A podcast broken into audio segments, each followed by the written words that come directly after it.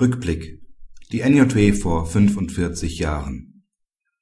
Wer in einer gegen die guten Sitten verstoßenden Weise einem anderen Schaden zufügt, ist dem anderen zum Ersatz des Schadens verpflichtet, lautet der Wortlaut des § 826 BGB.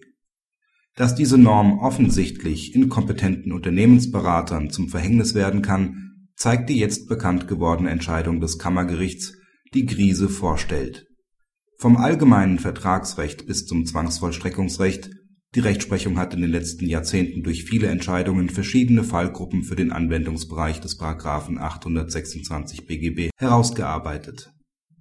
Eine besondere Fallgruppe stellt sicherlich das arglistige Einwirken eines unrichtigen Urteils durch Irreführung des Gerichts dar, führt dies doch ausnahmsweise zur Durchbrechung der Rechtskraft einer früheren Entscheidung aus diesem Grund schränkt die Rechtsprechung den Anwendungsbereich auf besonders schwerwiegende, eng begrenzte Ausnahmefälle ein.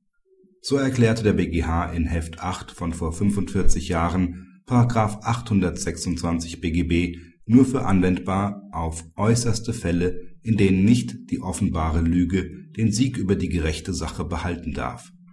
NJW 1964, Seite 349